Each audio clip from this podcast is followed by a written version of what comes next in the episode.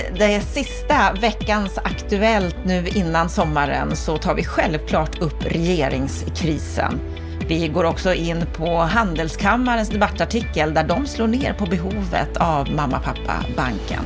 Vi tittar också på en analys av Finansinspektionens rapport där det visar sig att det tillfälliga amorteringsundantaget har fått nya bolånetagare att låna mer och köpa dyrare bostäder.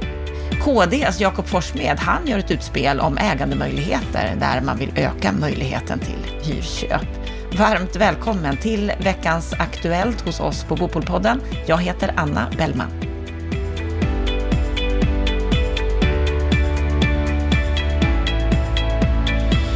Veckans Aktuellt är den här veckan en liten specialare. Vi närmar oss sommar, det är sista veckans Aktuellt för den här säsongen och med mig som expertkommentatorer så har jag två personer som vanligtvis inte hörs så ofta i podden, men som finns med i redaktionen för bostadspolitik.se, Annika Misevic och Ulrika Liv. Och Ulrika, du är kommunikations och hållbarhetschef på OBOS. Vad är din sinnesstämning idag?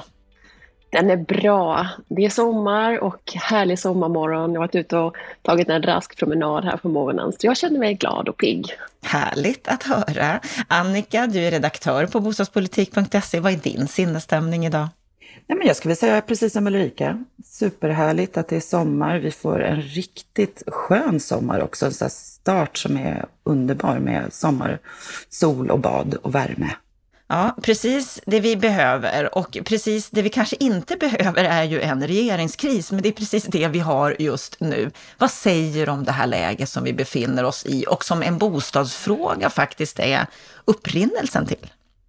Alltså, jag, vet, jag har lite svårt att hitta orden för det här egentligen. Vi har ju alltså en statsminister som har tvingats avgå för att Vänsterpartiet ville stoppa en fråga som i praktiken alla partier utom de själva och SD står bakom. Och trots detta så har ju liksom bostadspolitiska frågan helt dött nu. Och det är ju egentligen bara vi vanliga hyresgäster som har förlorat på detta, även om vi och Hyresgästföreningen vill hävda motsatsen. Mm, det är en speciell situation. Det är ja. Eh, väldigt märkligt också att den här bostadsfrågan var upprinnelsen, men sen inte finns med just nu i debatten. Nej, Precis, och jag menar, Sverige har brottats med de här problemen i flera decennier. Jag tror att det var i söndags det fanns en artikel där bland annat Jan Jörnmark och Martin Hedenmo från Boverket redde ut turerna. Jag uppmanar verkligen alla att läsa den, den är superintressant. Där framgår det jättetydligt att hyresregleringen, den följer redan i slutet av 60-talet och byttes ut till bruksvärdessystemet med hopp om att införa någon slags marknadskrafter i systemet. Men Problemet var ju att man inte ens lyckades då eftersom det visade sig vara alldeles för stora skillnader mellan allmännyttan och privata hyresvärdar. Och det var ju en fight som allmännyttan vann. Och allmännyttan kan man inte säga, de har ju haft en hel del fördelar med billigare mark, lägre lånekostnader, lägre räntor i statliga subventionssystemet. Ja, och det är ju precis det man insåg. Parterna fattade ju redan på 20, 20, 2000-talet här att systemet var orimligt och, och att hyrorna faktiskt behövde höjas. Och det var ju då vi införde det här med presumtionshyror. Eh, och 2011 så konstaterade ju även EU-kommissionen att den ställning som allmännyttan har var ju liksom i praktiken en otillåten konkurrens. Eh, så även om man försvarar den så kallade svenska modellen hårt från Vänsterpartiet så verkar det ju inte som att man har fattat att, att det finns stora problem med den och att den inte är särskilt förankrad ens en gång. Och jag tycker personligen att det ska bli jätteintressant att höra vad som kommer ut ur den här utredningen som presenteras den 6 juli och som handlar om hur parterna ska hantera frågor om läge och kvalitet i bruksvärdessystemet. Sen får vi se om det kommer någon sån utredning, allt beror väl lite på regeringskrisen. Men eh, ja, intressant ska det bli. Och dessutom så är det jättespännande att se hur en kommande regering nu ska hantera det faktum att Sverige mer eller mindre har lovat EU i vår återhämtningsplan för att få ta del av det stora stödpaketet att vi ska införa fri hyressättning vid nyproduktion och att det ska ske en förändring i hyressättningen i befintliga bostäder. Det här är ju någonting som vilken regering som helst som blir vald måste hantera. Mycket intressant. Mycket intressant och vi kommer ju att följa detta, alltså vi kommer ju få svar förmodligen ganska snart om i alla fall hur det blir med regeringen. Förhoppningsvis så tar det inte lika lång tid att bli regering som efter valet. Om vi ska gå vidare här i veckans Aktuellt så kan vi hitta en debattartikel i Aftonbladet 27 juni. Det är Daniela Waldfågel och Andreas Hartzigiorgio på Stockholms handelskammare som skriver där att en rik familj ska inte vara enda vägen till bostad. De menar att dagens unga straffas för de äldres bostadsprivilegier. Vad är det de tar upp här? Ja, men det är väl eh, precis det som, som, som handlar om amorteringar och kreditrestriktioner. Jag tycker de gör en ganska rolig liknelse när de säger någonting om att de människorna som försöker köpa bostad idag eh, kunde redan när de gick i förskolan se hur, hur, hur de äldre faktiskt kunde ta bostadslån helt utan bolånetak och, tak och amorteringskrav. Men att det är ju inte så det ser ut idag. Ehm, man kunde helt enkelt köpa en bostad baserat på inkomst. Eh, det är någonting som, som absolut inte fungerar idag. Man har alltså tillsammans med Hemnet eh, gjort en undersökning eh, bland besökarna på hemsidan, på Hemnet alltså, eh, om deras erfarenheter vid en bostadsaffär. De har frågat 2400 personer och bilden är supertydlig. Det är jättestora skillnader mellan generationerna inte helt oväntat. Men om vi tar hela undersökningen så svarar alltså 48 procent av alla svarande att de har upplevt eller upplever utmaningar när det gäller att finansiera ett bostadsköp. Men går man ner i åldrarna och frågar de som är mellan 18 och 29 år så är det ju hela 82 procent som har utmaningar eller problem med att köpa en bostad. Går man istället till den äldsta målgruppen så är det ju bara 4% som har upplevt svårigheter. Och det är ju helt naturligt eftersom de är inne på marknaden och de har en bostad som de kan sälja till ett pris liksom, som gör att de också har en insats. Så vad de lyfter och som jag tycker är jätteviktigt är att vi återigen är inne på liksom mamma och pappa-banken.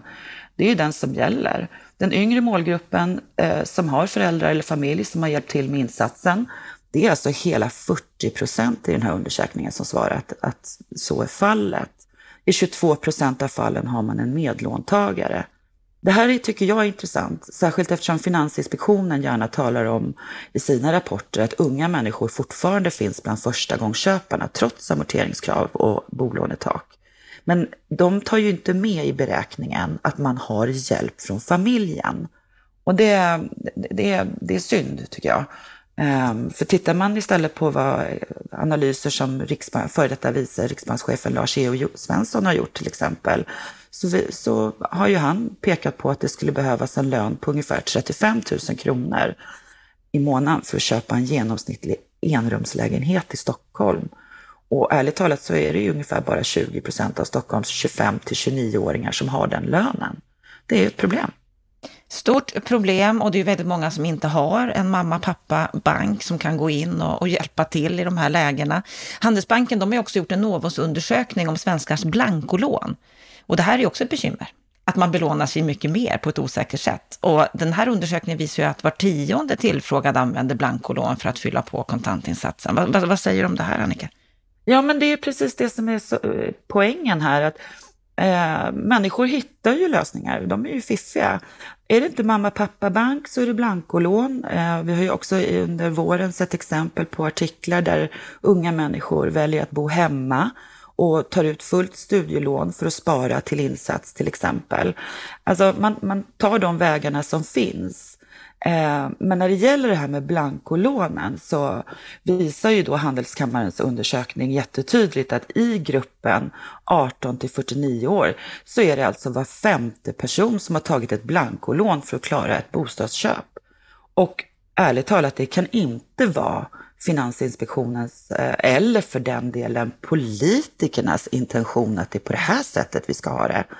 För även om om Finansinspektionen arbetar med sina verktyg så är det ju fortfarande så att vi har ju politiker som fortsätter att lyssna på dem. Jag, jag ser inte att blankolån med mycket högre ränta och högre avgifter skulle på något sätt vara en, ett bättre alternativ. Det innebär ju en otroligt mycket högre risk än ett bostadslån.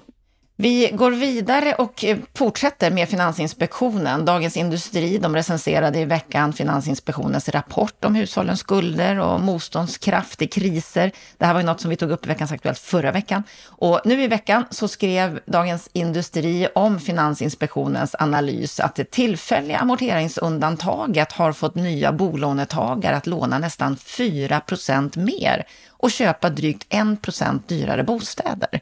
Vad säger du om det här Ulrika?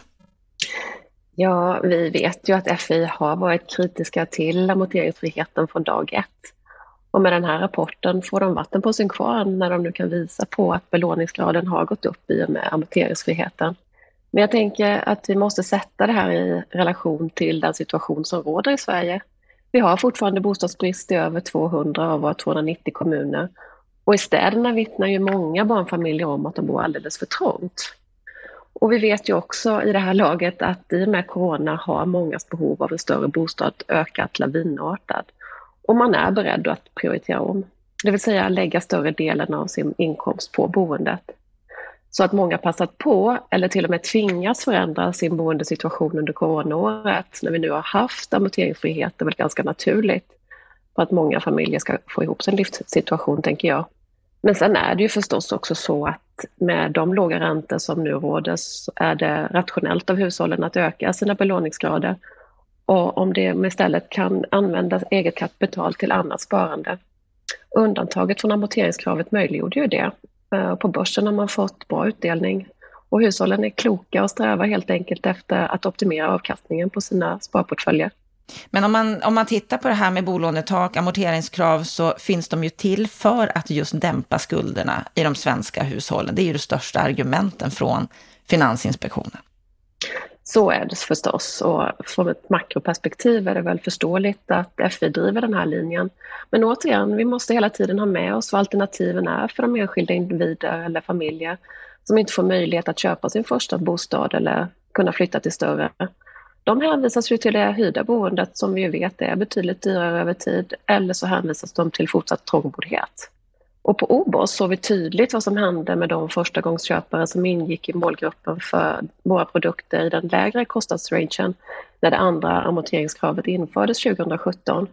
Den målgruppen försvann i princip över en natt och det tog lång tid innan många kunde komma tillbaka till läget att ladda om och för att kunna köpa en bostad. Så de som hävdar att förstagångsköpare inte var värst drabbade av det dubbla amorteringskravet som infördes kopplat till andra kreditrestriktioner eh, anser jag har helt fel. Och jag tycker inte vi får sluta prata om hur viktigt det är att vi hittar vägar och lösningar för att sänka trösklar in eh, på bostadsmarknaden där vi ger fler tillgång till det ägda boendet. Mm, det är många som håller med dig där. Vi har ju haft med många i vår podd under de här två åren som vi har hållit på och eh, samtidigt så tror jag att det här kommer att fortsätta diskuteras, för åsikterna här är ju inte helt eniga, kan vi lugnt konstatera. Vi ska avsluta med en debattartikel, apropå individens möjlighet till eget ägande. Då kunde vi i veckan läsa om KDs syn på saken. Det är deras ekonomisk-politiska talesperson Jakob Forssmed som hävdar på det i debatt att finansministerns analys av en växande ekonomisk ojämlikhet haltar och förslag som försvårar enskilt ägande och sparande leder fel. Vad är det han menar här? Ja, det är en spännande helhetsanalys om ägandemöjligheter från eh, KD som som sagt menar att finansministerns analys och förslagen från hennes arbetsgrupp om att försvåra människors möjlighet till ett eget ägande och sparande leder fel. Eh, och Forssmed han betonar här i artikeln att även om tillgång till kapital är en viktig förklaringsfaktor bakom ökande ekonomiska skillnader över tid så går den största klyftan fortsatt mellan den som arbetar och de som inte gör det. Och I sitt inlägg här så lyfter han också möjligheter till ägande ur flera perspektiv men kommer flera gånger in på frågor som är kopplade till boendet och hur viktigt det är att fler ska få chansen att äga sitt boende för att inte slita Sverige mer isär än vad vi redan har gjort. Och jag tycker det är extra intressant att han också lyfter Wallenström och Björklunds inlägg från DN Debatt i juni där, han skriver, där de skriver att eh, det är inte förmögenhetskoncentrationen som ökat i Sverige men att däremot förmögenhetsskillnaden ökat mellan de som äger sin bostad och har ett jobb med avtalspension och de som inte har det. och han lyfter också behovet av incitament för bosparande till unga. Och här har ju regeringen en utredning på gång eh, som vi hoppas kunna ge en del lösningar i den frågan. Men eh, här får vi väl hi oss till november när den utredningen ska vara klar. Och sen i slutet av artikeln så kommer han till en av mina och Obos hjärtefrågor, den om möjlighet till hyrköp. Och här talar han om individens möjlighet till eh, att med en del av hyran köpa lägenheten och på så sätt göra en successiv övergång från hyrt till eget boende utan då behov av lånelöften och större kapitalinsatser. Och det här erbjuds ju faktiskt redan idag av olika aktörer på marknaden. HSB till exempel kallar sin lösning HSB Dela och vi på Obos har i dagarna introducerat vår lösning som vi kallar Obos Deläga. Och vi ser redan ett jättestort behov av den här typen av lösningar där fler får möjlighet att med ett lägre startkapital ta sig in i ett eget ägt boende och på så sätt få chansen att starta en bostadskarriär. Och i de bostadsprojekt där vi erbjuder den här boköpmodellen så erbjuds, erbjuds då eh, några bostäder i olika storlekar i samma trappuppgång att köpa till minst 50 procent. Och sen så äger man då, eller samäger resten av lägenheten med OBOS. Och det är ju just det här som gör att fler får möjlighet att bo i områden där de annars aldrig skulle kunna få chansen att ta sig in. Och här ser vi ett exempel på där marknaden, näringslivet ger möjligheter som vi inte ser från politiskt håll. Kommer vi ha behov av politiska reformer inom det här området när faktiskt ni i näringslivet gör de här initiativen? Jag tänker att här gäller det att vi samarbetar och är konstruktiva från båda håll. Det, det, det är inte det, bara den ena eller den andra som kan komma med lösningar, utan vi, vi måste dra vårt strå till stacken från alla håll. Mm. Stort tack Ulrika. Vi ska avsluta Annika med några ord om sommaren, därför att eh, det här är ju visserligen sista veckans Aktuellt nu innan sommaren, men bostadspolitik.se kommer ju att leva under sommaren. Visst är det så? Absolut. Precis som eh, tidigare somrar så har vi knutit till oss ett par sommarkrönikörer som vi har bett om eh, att få lite härlig läsning till hängmattan.